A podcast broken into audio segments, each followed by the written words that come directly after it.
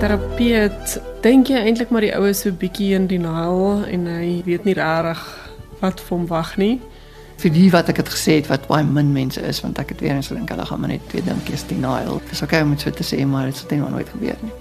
Toe Pieter in die rehab al is, toe wil die dokter sê dat hy moet sekere antidepressante neem. Toe sê hulle vir my maar Pieter weier om die pille te neem. Ek moet met hom praat. Ek is okay, jy weet, en meeste mense het gedink al my drome is van my al weggevat. Ek het net gedink my drome is nou net so 'n bietjie verander.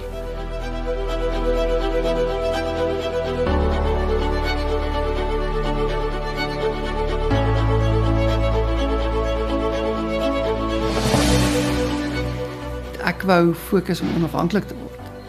Wat niemand op daardie stadium wou glo nie. Selfs my paale Ek het so in my eie vir myself gesê, "Jesus, like ou Pieter, jy het harder geval op jou kop as wat ek gedink het." Maar as dit nou is waar jy is, dan is dit nou maar waar jy is. Medalje gekry. 'n Souwer ja, en wat sien as dit As jy eerste kom, kry jy kry jy goud? En wat was eintlik die mooiste van dit alles? My rainbow jersey, né? Ja, die rainbow is Maar mamma het Daar gesê sy gaan daai rainbow jersey vir nog as accurate as en ek kan fiets ry dan sê sy ek kan hom aantrek.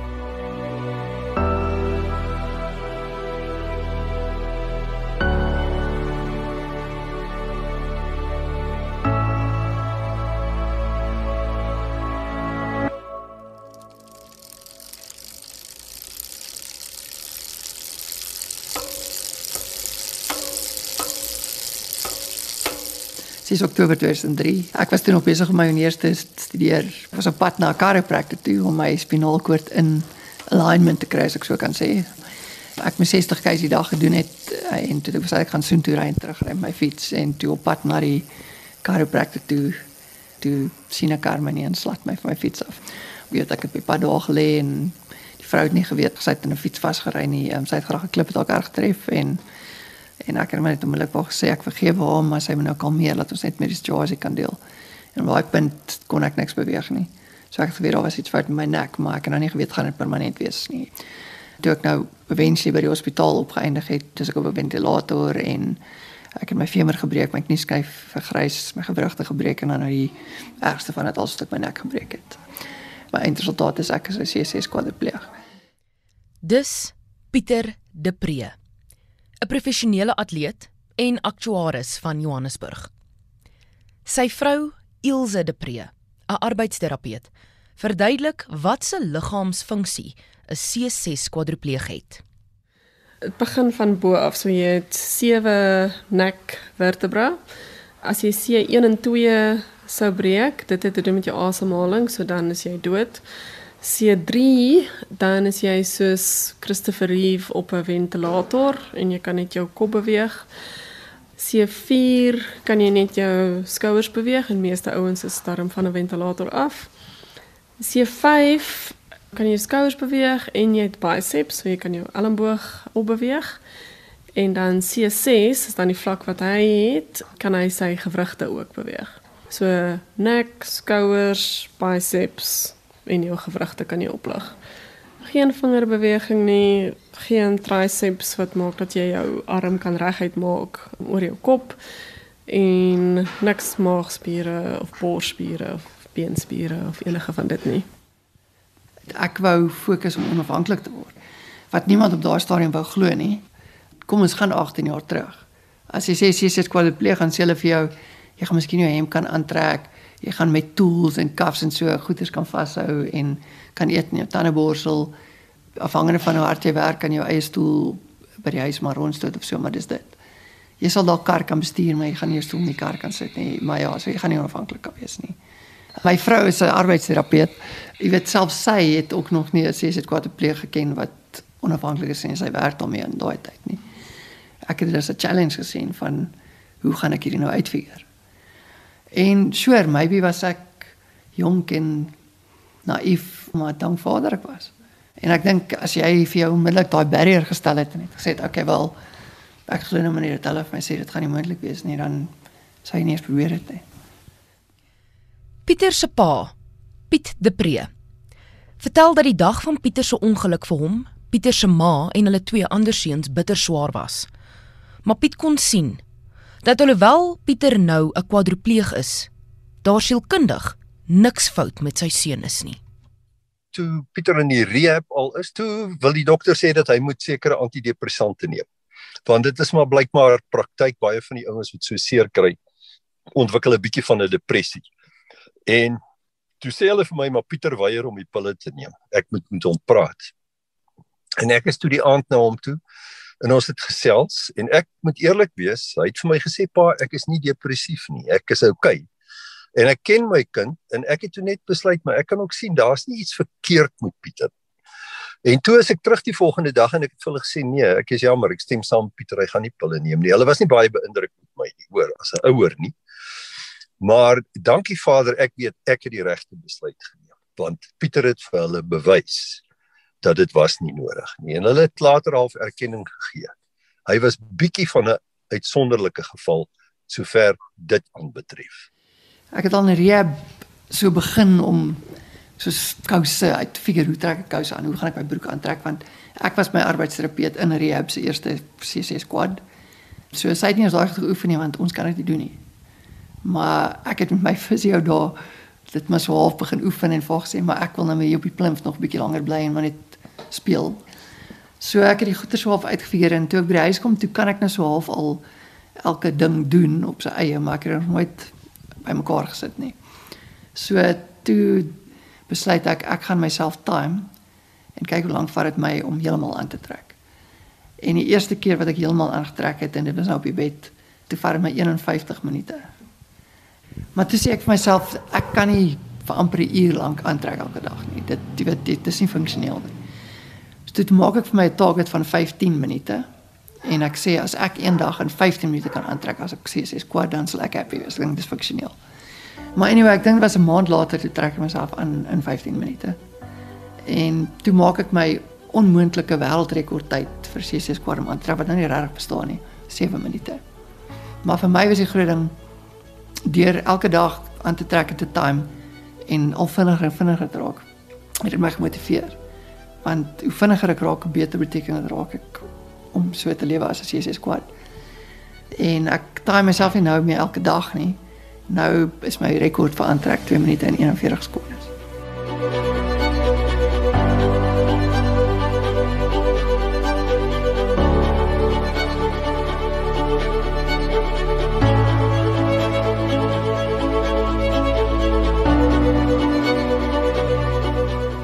Sit nou regop dan vir my onderbroek en my broeke sal ek dan net regop sit met my bene wat oor die kant my bed hang my voete en my bene net die voete.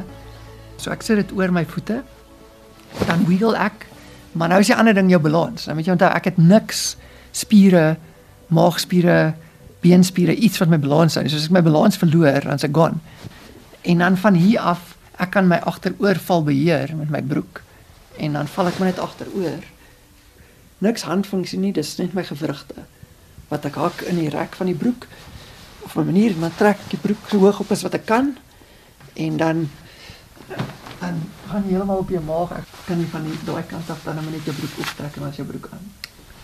Nou 'n sokkie.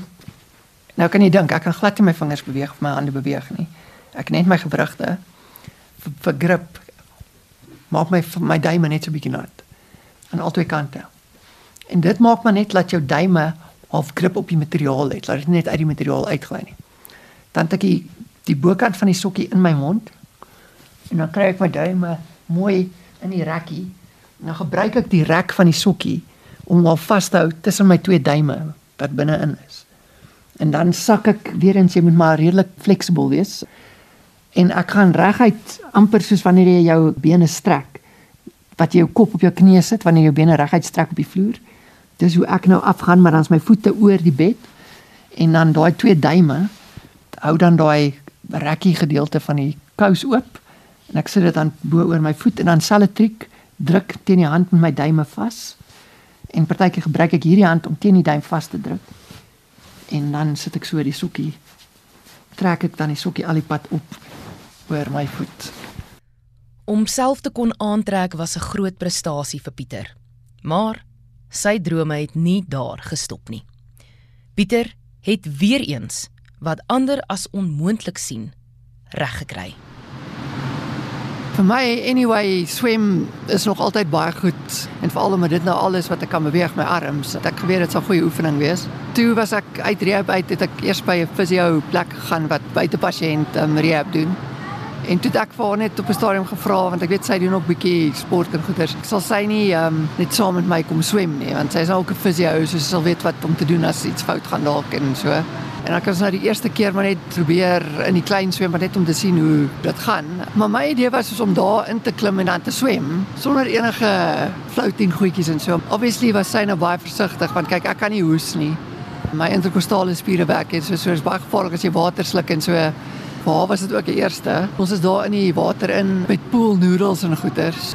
Na die eerste keer was ek soos nee man, ek sal okay wees. Ek wil nie groot swembad swem want vir my 'n swembad met die bane en goeters dan kan ek mos nou oefen. So hier na die tweede of derde keer toe ons weer daar kom sê ek van nee nee nee. Ons is nou klaar met hierdie klein swembad. Ons gaan nou in die groot swembad. En obviously kyk, toe was dit nou maar speel met verskillende strokes en hoe jy swem en figure dit nou maar self uit soos ek aangaan en daar was letterlik nêrens in die wêreld waar ek enige footage of raad of iets kon kry nie. So is net weer eens crazy hoe as jy net aanhou en aanhou probeer en aanhou probeer hoe jy dit wat mense sê nie moontlik is net skuif en skuif en skuif. So al so lank gaan pappa se swembril uit daarso. Ja, wat jy wil jy hê, papa? Ek dink die donker een met die goud. Oh, Ek hoop jy kan kry. wat is daai kassa? Staan die groot sak sien? Hierdie daai Dis agter. Daar waar die handdoeke is. Kyk, trek dit hier aan die kant.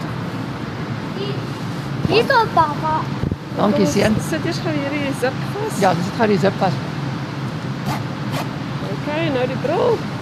Ja. Dankie. En pappa se skoene. Ja. So hoe groter Pietman word, hoe meer help hy my. Dis wonderlik. Ja, staan hy agter my. Maar ja. En dit gaan my balans. Kyk, dan ja, hier in gaan ons dan maar net die stoel hier reg langs die kant van die swembad sit en dan gaan ek induik waar sy soort van uit die stoel uit, so. En Pietman sal natuurlik nou vir my tel. Nou dan. En ek weet nooit vir hoe lank hy gaan tel nie. Partykeer is dit 3, partykeer is dit 20, partykeer is dit 25. Voorste wiele Sy gaan in die water. vaste wiele so bietjie aan die water toe wel dit nie heeltemal in die water Net so bietjie. Okay, tot waar gaan ons tel? Ja, 2 3 4 5 6 7 8 9 10 13 14 15. 17 18 19 20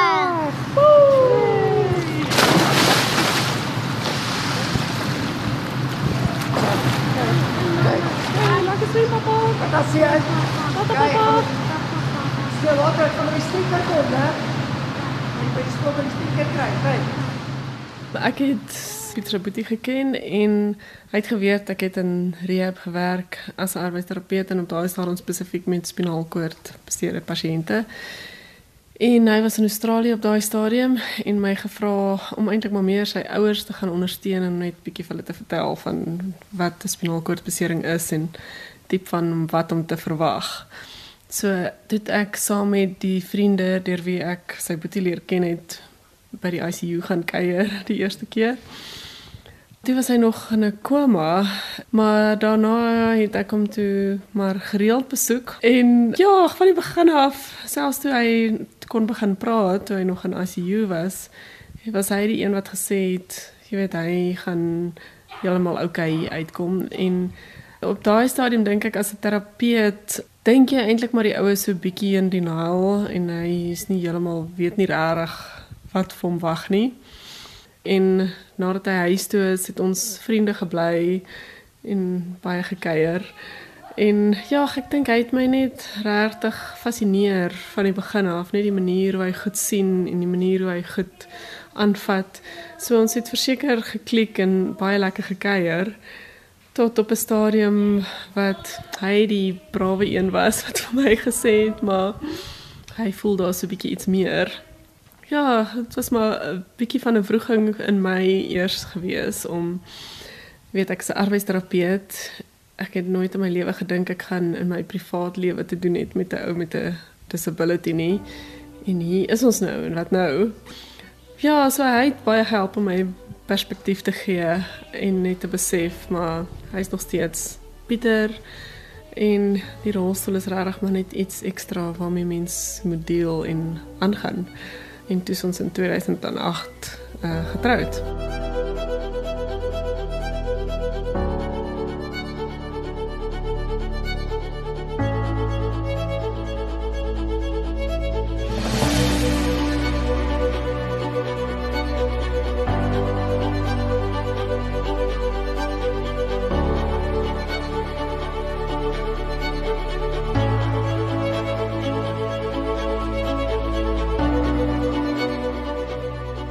Van kleins af was dit Pieter se droom om eendag in die groen en goud aan die Olimpiese spele deel te neem.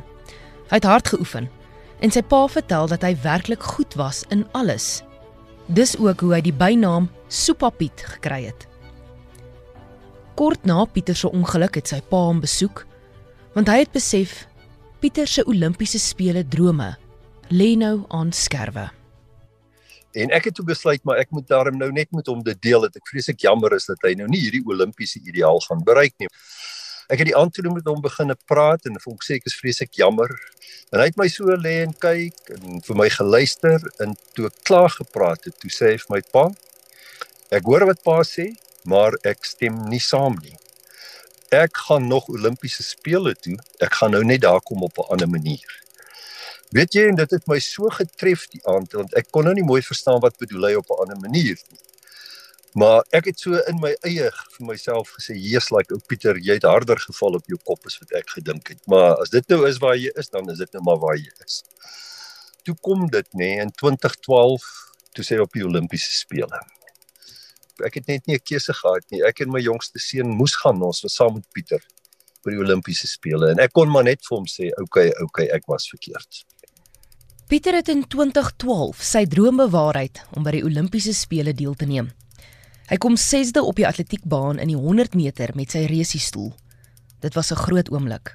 Maar hy het toe aanbeweeg na iets veel groter as die Olimpiese spele. 'n Droom wat hy nie met baie mense gedeel het nie. Iets onmoontlik. Voor my ongeluk sou ek anyway altyd 'n eysterman op eie wou gedoen het.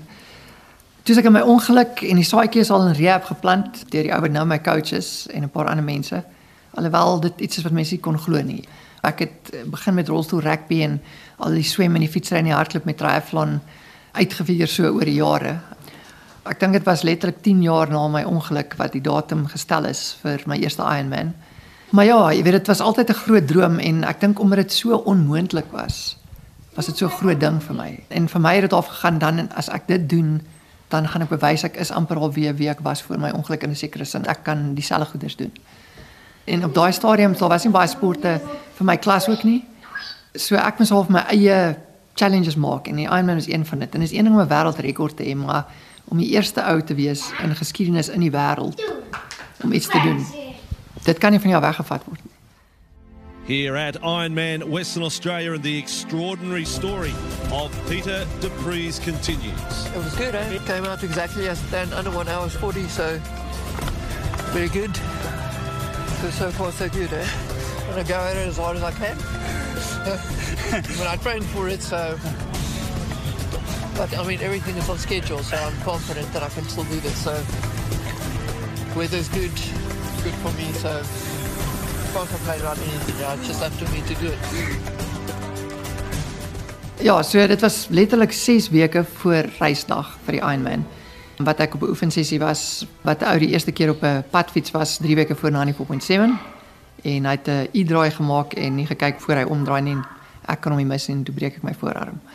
Die dokter het al klaar net vir my gelag omdat ek sê ek gaan 'n Ironman doen. Hy wou dit nie glo nie.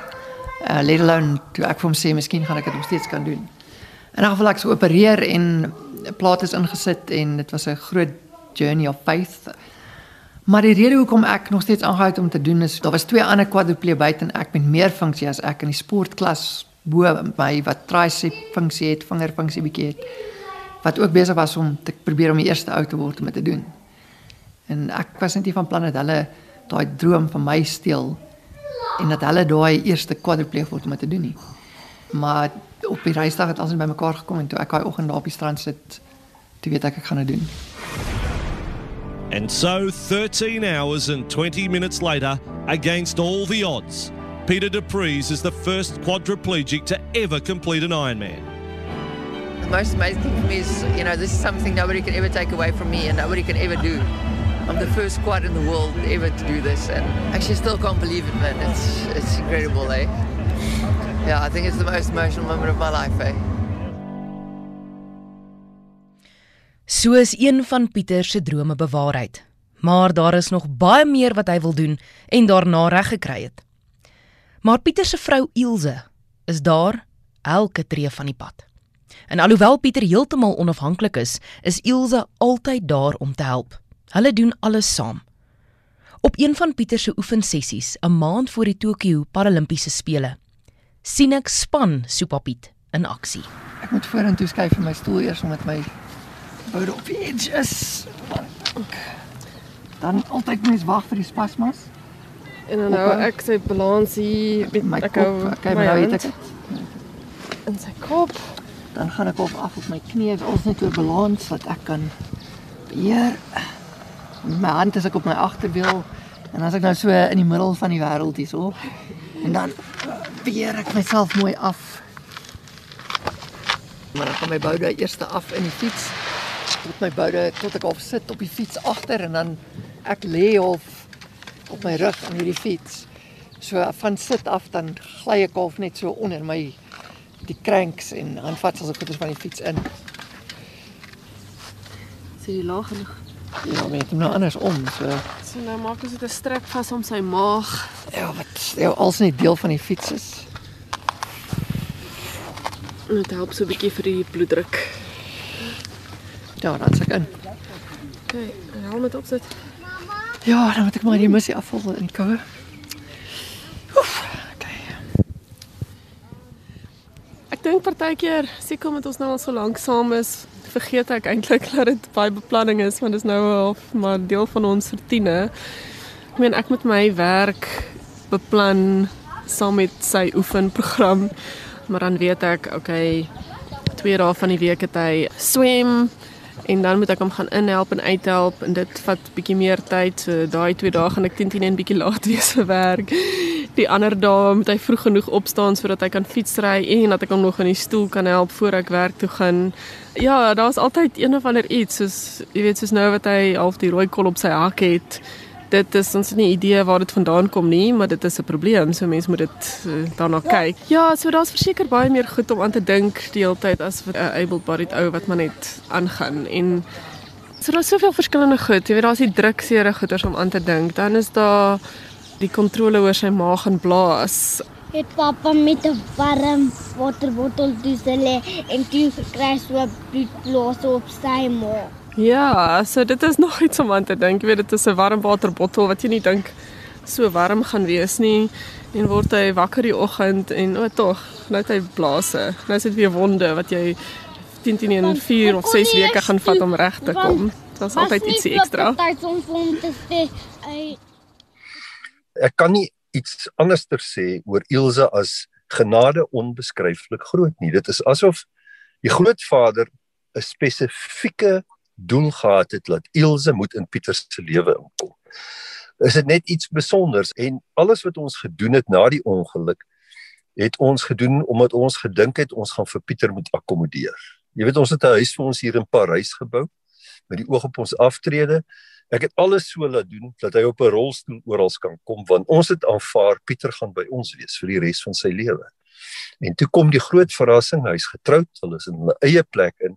En wel jy het nou vir Pieter en Ilse en klein Pietman gesien vandag. Pietman is ook 'n wonderwerk, nie. Dit is 'n span effek. Jy weet, so al my groot kompetisies en daai goeters, ek kan alleen travel as ek nou moet, en, maar wanneer ek my ernstige kompetisies doen, is my my nommer 1 spanmaat my vrou. Dan wil ek haar daar langs my hê wanneer ek dit goed doen dat ek kan rustig wees oor alles en om 'n wetsuit aan te trek in 'n swembad en uit te swembad uit te klim, wetsuit uit te trek. Die ouens wat dit al wetsuits aan uitgetrek het, te triathlon wetsuits sal verstaan wat ek bedoel. Dis nie 'n grap nie. As jy sien hoe goed ons dit doen, ons laat dit lyk asof dit net so is. En dit wys net hoe geoliede masjien ons is. Nou het ek my skouer gebreek het ook. Hoe ons uitfigure om goed reg te kry. En dit kom net van jare van hoe ons maar net mekaar verstaan. Jy weet, en dis hoekom ons ons sê in partykeer iets ons weet sommer net. Ons doen dit net. Dit kom net natuurlik. Dit is net 'n voorreg om my vrou te kan hê op die pad saam met my en dat my drome haar drome geword het.